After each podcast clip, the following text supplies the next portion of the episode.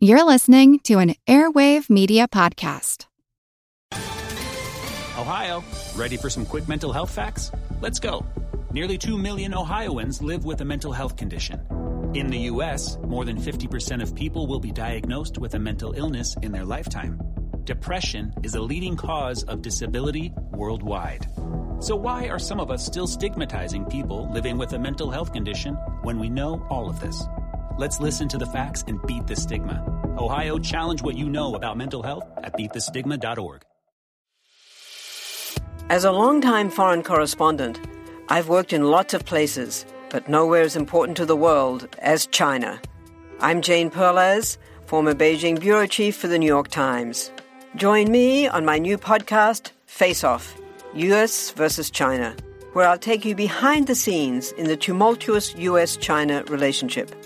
Find Face Off wherever you get your podcasts.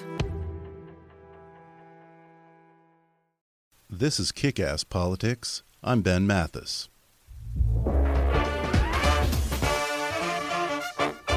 Today's podcast is brought to you by Audible.com. Audible has over 180,000 audiobooks available to download for your iPhone, Android, Kindle, or MP3 player.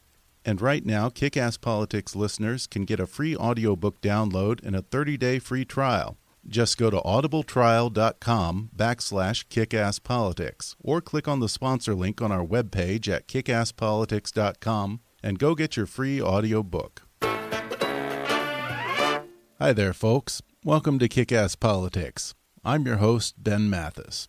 In yesterday's episode, I talked with Dr. Peter Vincent Pry, who's arguably the foremost expert on EMP, or an electromagnetic pulse. If you haven't listened to that episode, then I would definitely suggest that you go back and download part one first before you listen to this episode. As we discussed previously, an EMP is a phenomenon similar to an electric power surge during a lightning storm, but on a much, much larger and more devastating scale. An EMP, either caused naturally by a solar flare or created by a high altitude nuclear detonation, has the power to crash the entire U.S. electric grid and send our entire country back to the Stone Age. It's been estimated that if the U.S. were struck with an EMP, within a year of impact, 90% of Americans would die of starvation, disease, and societal collapse. It is a real and imminent threat to our very way of life here in America. A number of our enemies have already weaponized EMP with the stated goal of using it against the United States. And yet, lawmakers have been dragging their feet when it comes to taking the relatively simple measures needed to protect America, including hardening the U.S. electric grid against an EMP. What's more, many in the mainstream media ignore, dismiss, and even mock the threat of an EMP attack as the stuff of science fiction and conspiracy theories. Why are so many people in power burying their heads in the sand when it comes to EMP? Well, we're going to get to the bottom of it in part two with Dr. Peter Vincent Pry, who is arguably the foremost expert on EMP. He's the executive director of the Task Force on National and Homeland Security and director of the U.S. Nuclear Strategy Forum. He served on the Congressional EMP Commission and frequently writes and speaks on the subject of EMP. He'll talk about the steps needed to protect our country from a natural or man made electromagnetic pulse. He'll also expose the powerful lobby in Washington that's keeping President Obama and Congress from acting on those steps, and who's behind a deliberate disinformation campaign on EMP in the media and pop culture. All that and more in just a moment.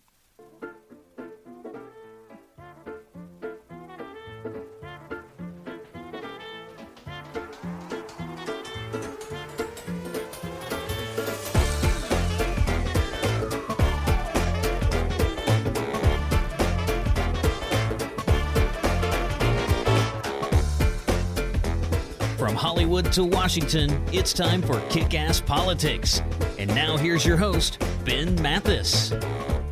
Today I'm joined again by Dr. Peter Vincent Pry, who served on the Congressional EMP Commission.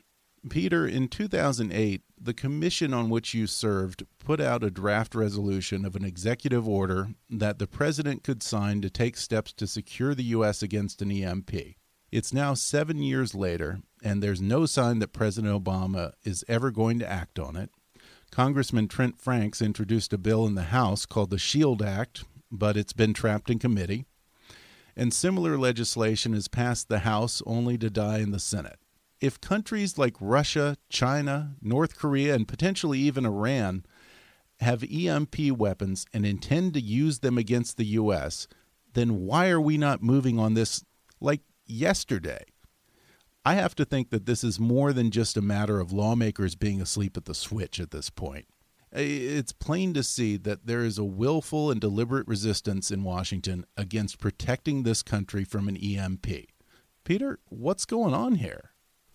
Yeah, I think I, I know exactly, and uh, you know the the source of the of the trouble, and it's called the North American Electric Reliability Corporation, or NERC. This is they're supposed to be responsible. They're not a government agency. They basically belong to the electric power industry. They're paid for by the electric power industry, and they're supposed to provide for grid reliability uh, and protect the grid. That's what they're supposed to do in theory. But what they really are is a lobby to to fight against any government regulation that would require the electric power industry to do anything. Uh-huh. And um, and and that's what it is. Uh, that's why they've been against the Grid Act, the Shield Act. It doesn't matter if it's uh, it's proposed by Democrats or Republicans. Anything that tells the industry you've got to protect that grid, and we're going to inspect it to make sure you've done it. They don't want that because they uh, they want to continue to operate unregulated, basically, by anybody but themselves when it comes to these national security issues. Um, uh, it isn't understood that the electric power grid is the last critical infrastructure that basically operates in a 19th century regulatory environment. Let me give you an example and try to better illustrate this. When an airplane crashes, you know, we don't leave it up to the airline industry to investigate the cause of the crash because they have an obvious self-interest. They might just blame it on pilot error, and there might be something mechanically wrong with that plane that would be expensive to fix, and they wouldn't might not want to do that. So we have the FAA, you know, figure out what went wrong. You know, hundreds of people could die in an air crash, and even we Tea Party Republicans like myself, you know, want to be able to fly safely and know for sure that it's been done because you've got an independent party checking on it. Now, there's no one in the in the U.S. government that has the equivalent authority over the electric power industry like a Federal Aviation Administration. A lot of people think that the U.S. Federal Energy Regulatory Commission has that kind of power, but when you really get into the charter, it, it doesn't. All the U.S. FERC can do is it can it can ask the NERC, uh, it can task them to say, we want you to protect the grid, but we they can't tell them how. They can't tell them how. Uh, they can ask them to come up with a plan, to come uh, what's called a standard in the industry. And then NERC can propose a standard to the U.S. FERC, and if the FERC doesn't like it, if it thinks the standard is inadequate, it, it can't tell them to change it. It has to it has to reject the standard completely or accept it completely. Uh, and if it rejects it, then the process starts all over again. And what are the consequences of this? It's not just the EMP that they have tremendous resistance to. It's any kind of direction from U.S. FERC. And uh, one an example is uh, the NERC was actually established in the aftermath of the Great Northeast Blackout of 2003.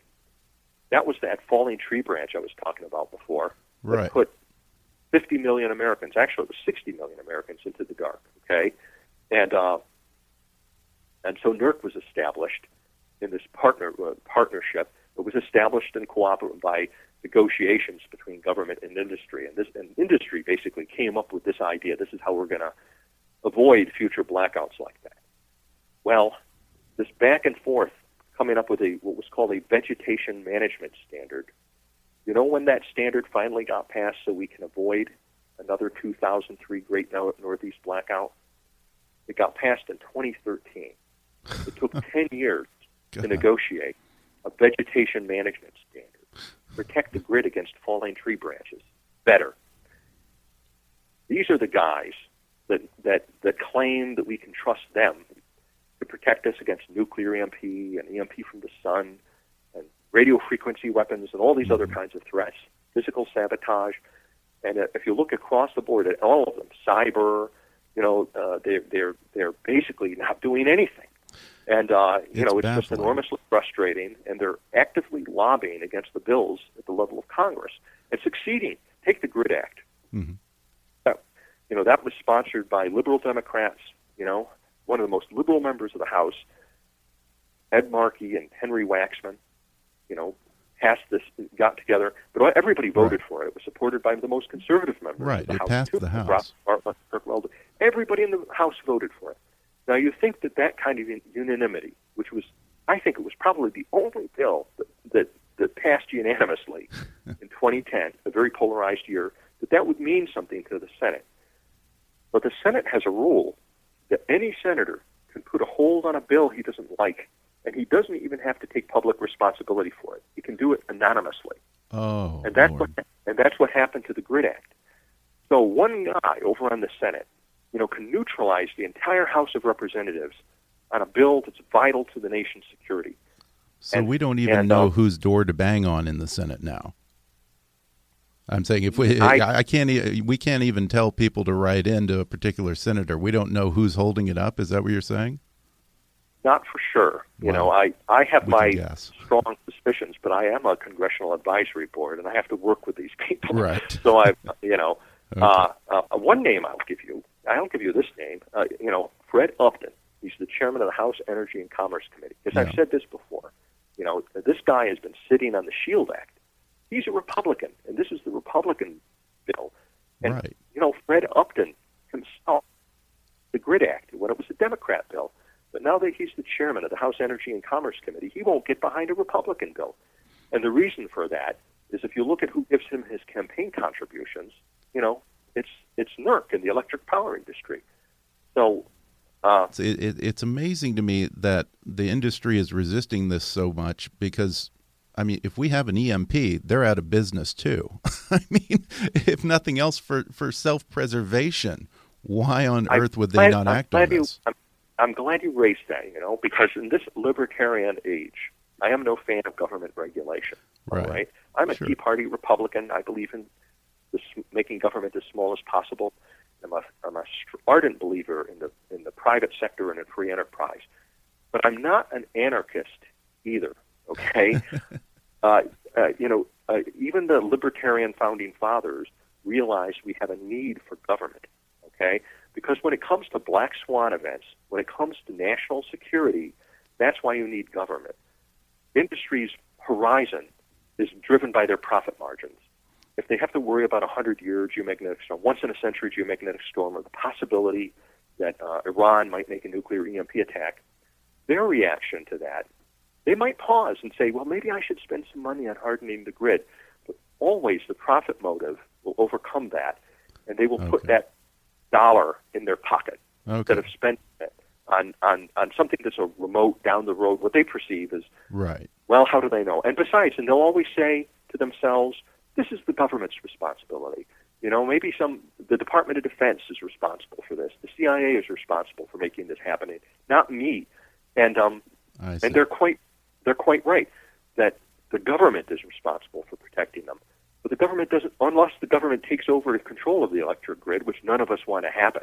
You know, the way we do this is through regulation. So we need to leave in our libertarian enthusiasms, and I have them too, because we're all sick of big government, and we need to roll it back.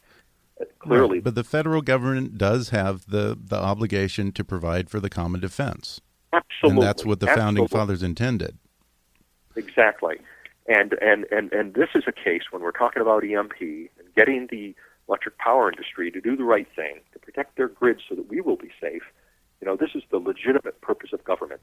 And, and to kind of complete the thought that you had started with, it's a supreme irony and comment also on the extreme dysfunction of Washington that we have a president who is proud of uh, the fact that he's got a pen and a phone and wants to do all kinds of things uh, by executive order that are Right. constitutionally at least controversial. Okay, Yeah. uh, but but but the one thing he could do that is well within the bounds of the Constitution and that would benefit everybody, the man for some reason will not do it. Okay, Peter. So let's talk dollars and cents here. What would it cost for us to harden the U.S. electric grid against an EMP and to really do this right? Well, the um, the EMP Commission estimated that it would cost about two billion dollars to protect the electric grid. Oh, that's a drop in the bucket. it is a drop in the bucket. It's what we give away every year in foreign aid to Pakistan. Yeah. You know, it, who it isn't even our friend. You know, if we suspended foreign aid to Pakistan for one year and spent it on the American people instead, you know, we could we could harden the electric grid against all of these threats I've been talking about. The worst of them being nuclear EMP. But if you're hardened against nuclear EMP, it mitigates all the lesser, all the other threats, including cyber attacks and physical sabotage and severe weather. All right, Peter. So let's imagine that you're the president and you can fix this problem with the stroke of a pen, which, as we said, President Obama could do if he wanted to do. So you're the president. What would be the first steps that you would take to protect the homeland against an EMP?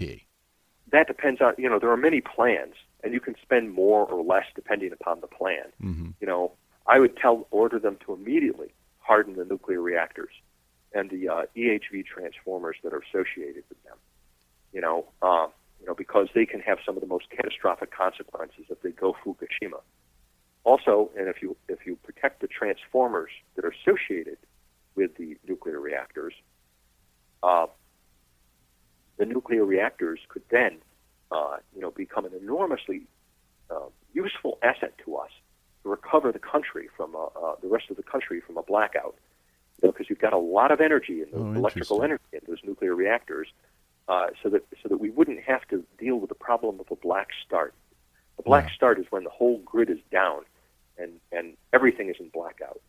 You know, Okay. uh, okay. never So even rebuilding from the ground up. Yeah, nobody knows if you if we can come back from that. It's never even been exercised. You know, even assuming the equipment wasn't destroyed, you know, uh, uh, uh, you know, if somehow you replace the equipment and everything, and then you all said, well, okay, we're going to throw the switch to bring it back. You know, we've replaced all the damaged equipment and everything. Nobody knows if you can do it. Yeah. Um, Jeez. uh, but we do know that if you've got some of the lights on somewhere, you know, some sources of power, it makes it much much easier.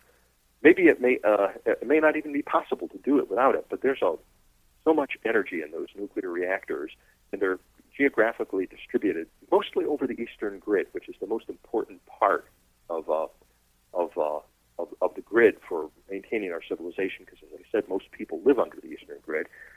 That that, that would accomplish two things at once. It would it would eliminate the threat to us from the reactors going Fukushima, and it would be an enormous asset because now we would have these these uh, sources of electric power that we know would be there and would not be taken out that we could use to uh, restore the grid. So that's the first thing I do.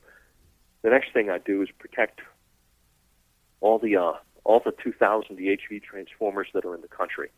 You know, because they take so long to build and it's so hard to replace them. We don't even build them in this country anymore. We have to import them from overseas. It takes 18 months to just build one of them, and they weigh hundreds of tons. It's very hard to replace an EHV transformer once it's destroyed. You know, people don't realize these things are as big as a house. They weigh hundreds of tons.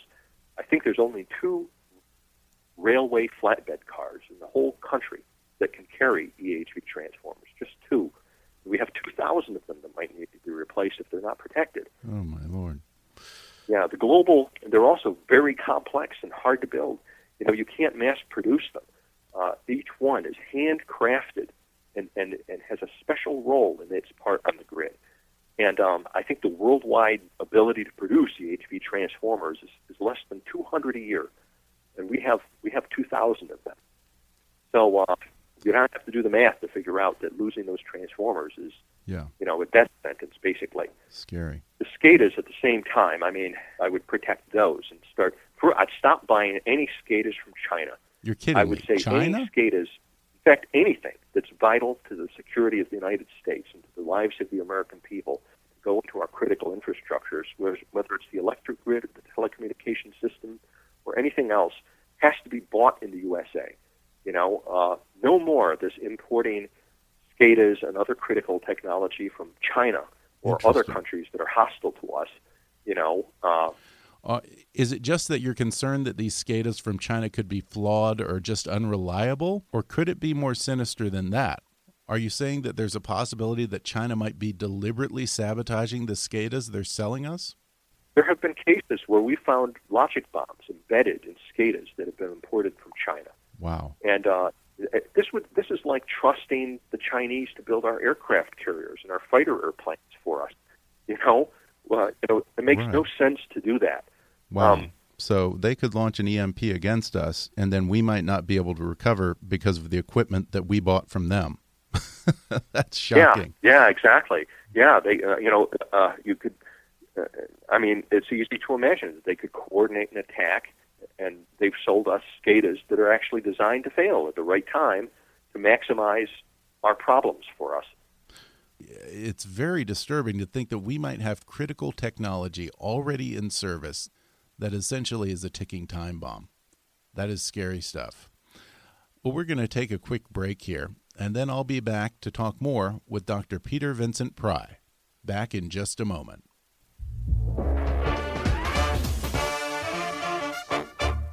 This portion of the podcast is sponsored by Fiverr. That's F I V E R R. You've heard me rave about Fiverr before. Fiverr is the world's largest online marketplace for services with over a hundred categories, all offered at a fixed base price of just $5. Logo design, business consulting, marketing, business cards, stationery, web design, translation, proofreading, legal consulting, and just about any other service you can imagine, all offered at a base price of just $5. In fact, you know the announcer who does the intro to Kick Ass Politics? I found him on Fiverr, a professional radio announcer to do our intro for just $5. And right now, when you go to kickasspolitics.com and click on the Fiverr ad on our sponsor page, you'll be showing your support for the show and you'll get some great offers on services tailored to your needs. Whatever you need done, find it on Fiverr.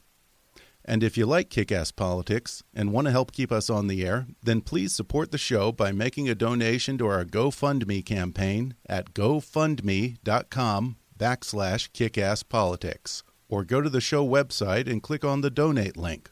Your support will help keep us producing new and even more interesting programs in the future. That's gofundme.com backslash kickasspolitics. And now, back to the show. We're back, and I'm talking with Dr. Peter Vincent Pry about the electricity industry's efforts to stall legislation to protect the grid from an EMP attack and other threats. It seems to me that the threat of EMP gets very little coverage in the established news media. Uh, and I said most Americans probably only know about EMP from movies like The Matrix, or I think EMP has figured into a couple of James Bond films. Uh, and maybe they've heard it from doomsday prepper shows and conspiracy sites, which I think leaves many people with the misimpression that EMP is just science fiction or the ramblings of, uh, of certain Art Bell coast to coast AM conspiracy types instead of actual scientifically proven phenomenon that has happened and will happen again. And during the break, you said something very interesting to me. You said, This is no accident. The energy industry wants us to believe that EMP isn't a real threat or even a real thing. Talk more about that.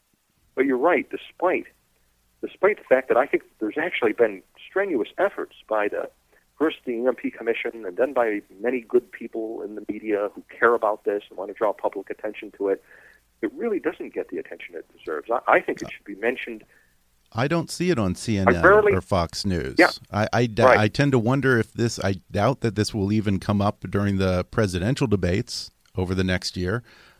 Newt I- yeah, it baffles it. me. He was for president, and, and he got criticized by the New York Times as, uh, for uh, for uh, for uh, for spouting science fiction.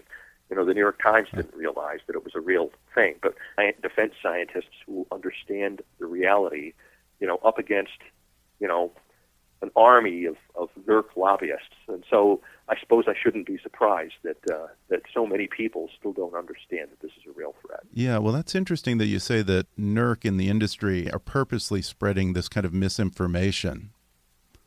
I have an example just today. Uh, you know, uh, uh, a bill uh, was introduced by Senator Hall into the uh, into the Senate to protect the Texas grid, and uh, and uh, ERCOT, which is the uh, the utility in Texas, combined with the Edison Electric Institute, which is one of the minions of NERC. They they sort of do NERC's dirty work on on uh, junk science things. Uh, have done exactly what I've been telling you. They sent a flyer to all to the members of the Senate to tell them, uh, "Don't worry, this isn't a real. The EMP isn't a real threat." But, I mean, it, it, it's so irrational that it combines arguments that are contradictory. EMP isn't Amazing. a real threat. It's the responsibility of the Department of Defense to protect us from EMP, not industry. Well, it's not a real threat. Why does the Department of Defense have to protect anybody, right? Yeah. Um, you know, So- so we're on top of it. We're on top of it. We've That's got the best scientists and experts in the world. Well, why do they need to be on top of something that is a, is a fictional threat? You know. So, anyway, the one good thing that is that their arguments are so self-contradictory that one hopes that an intelligent reader will pick Yeah. up and say, "Wait a minute, you know, this doesn't make any sense." Yeah, but that that's fascinating to me. That you know, there's it sounds like you're saying that there's a, a purposeful uh, uh, attempt by the industry to relegate the concept of EMP to the tinfoil hat crowd and keep it out of legitimate media or, or established media. Just the idea of EMP from getting any kind of credibility. Yeah, I mean, they're, uh, they're basically trying to cover it up. You know. Wow. but uh, you know, uh, most of it, uh, you know, has been classified for 50 years. And, uh, you know, it's Hmm. only when the EMP Commission came along that Dr. Graham said, you know, look at we now know that everybody except the American people knows about EMP. All of our enemies know about it. Yeah. They're planning to use it against us. If we expect to get the civilian critical infrastructures protected, how can we do that without telling them? I mean, what we were talking about today when I was back in the CIA would have all been classified, and I would have been able to talk about it. And uh, and and that's one of the reasons I think people are in such profound ignorance about it. But in terms of how much attention, you know, does it get? I think it should be mentioned, you know, every night on Fox News. Every time they talk about the Iranian nuclear weapons program, they should also be talking about why we should care about it. And the biggest reason we should care about it is the EMP threat. You know, so I Right. agree with. I certainly agree that it hasn't received nearly the amount of attention that it, uh, you know, Right. that it deserved. And, uh, and the president helps that effort where the nuclear EMP is concerned. You know, Yeah. uh, uh, I think he has an interest in. He's so desperate to get that treaty with Iran. Yeah. Uh, you know, he doesn't want the American people to know that. You know, if I'm wrong about this, and these guys get just one bomb, Yeah. you know, they could kill you and your children and wipe this whole country out. I mean, and North Korea can already do it. To make an admission like that, you know, to throw that into the mix when people weigh, well, should we let the treaty go forward and support the tr- president on this, and and how much blame should we give him for the fact that North Korea has basically become there's a growing nuclear threat on his watch. You know, admitting that the nuclear EMP threat is real and present danger and everything is uh, not in his political interest. You know, Yeah. as he sees it, as he interprets it. Um, Well, you, but I have to give him credit that he obviously did not do anything to stop NORAD from spending seven hundred million dollars Right. to protect itself and move into Cheyenne Mountain. Well, I guess that's a start, but it's just baffling to me that more people aren't paying attention to this threat. Me too, and, uh, and it's so frustrating, uh, you know, that uh, we're we're not spending a small amount of money and taking the modest steps that would be needed to protect ourselves against this. It's just, you know, Yeah. it's just very disturbing, uh, you know. But beyond that, let's let's not look to Washington for everything. My task force has been going to the states because you can, the state public utilities commissions and the state legislatures and governors have the power to protect the grids within their states, and it is technically possible to do what the EMP and the EMP commission actually recommended that the states do what's called islanding their grids. Even though a state grid is part of a larger regional grid, you know, if you install the surge arresters and the Faraday cages and the blocking devices, these are passive defenses, and they don't affect the way the grid operates on a day-to-day basis. Okay. But they will come into action if there's an EMP attack or some other kind of an event like that. Interesting. So that your state grid, so that your state grid will be saved, and then and and and the people within that state will have electricity. Uh, So it's basically a surge protector to protect your particular state. That's right. Okay. And uh, and this would be good for your neighbors too, the neighboring states. Uh, Oh, yeah. You know, because again, they wouldn't have to come back from a black start. True. Uh, and, and so far, Maine, Virginia, and Arizona have passed bills to protect their protect their peoples from EMP and to move in that direction.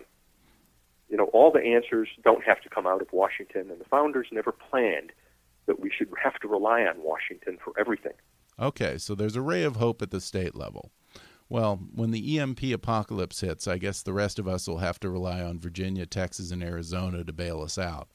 Uh, let's hope that more states follow suit.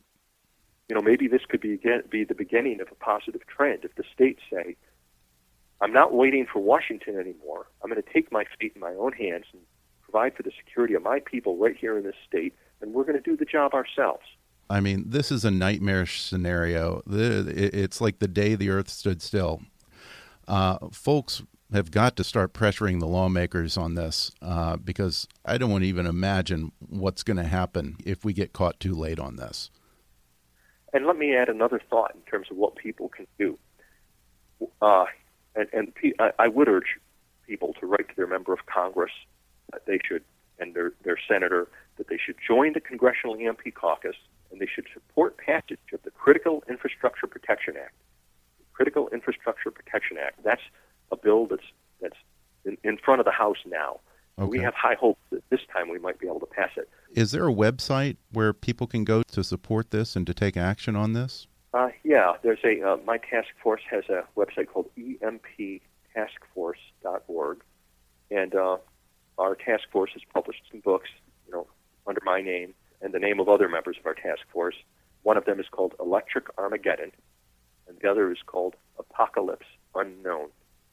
And okay. both of those are available from uh, Amazon.com or okay. uh, CreateSpace.com. Definitely check that out. Um, thank you so much for coming on and talking about this. Good luck in getting this out there, and hopefully, we'll get some meaningful action out here, and hopefully, NORAD moving back underground is is a sign that the government's starting to actually take this seriously.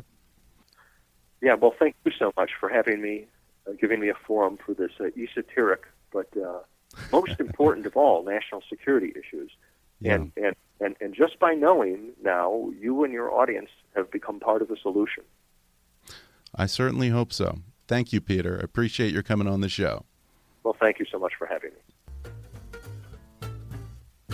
Well, that's the show, folks. Pretty scary stuff.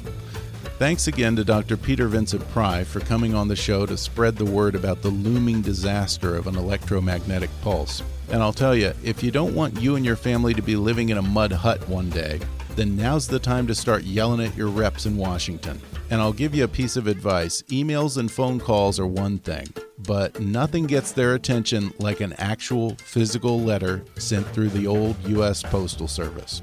Trust me on this. I hope you'll subscribe to the podcast on iTunes so you can automatically get new episodes as they become available. And while you're there, I'd appreciate if you left us a review. That helps a lot with the show's rankings on iTunes. And if you like kick ass politics and want to help keep us on the air, then please support the show by making a donation to our GoFundMe campaign at gofundme.com backslash kickasspolitics. Or go to the show website and click on the donate link. Your support will help keep the lights on over here and will be greatly appreciated. That's gofundme.com backslash kickasspolitics. As always, I welcome your comments, questions, and suggestions at comments at kickasspolitics.com or leave a voicemail on the toll free listener hotline at 844 KA Politics. We'll lighten things up a bit in the next episode when I talk with John Tamny, He's the editor of RealClearMarkets.com and a political economy editor for Forbes magazine. He's got a new book called Popular Economics What the Rolling Stones, Downton Abbey, and LeBron James Can Teach You About Economics. He'll pull back the curtain to explain how economics is one of the simplest and most basic disciplines to understand, because according to him, everyone is an economist, and economics is, well, life. He'll also explain how the Dallas Cowboys and Paris Hilton are excellent examples of good and bad tax policy, and how movies like The Godfather and Gone with the Wind reveal the downside of antitrust regulation. So be sure to download the next episode. I promise it'll be fun. Until then, I'm Ben Mathis, and thanks for listening to Kick Ass Politics.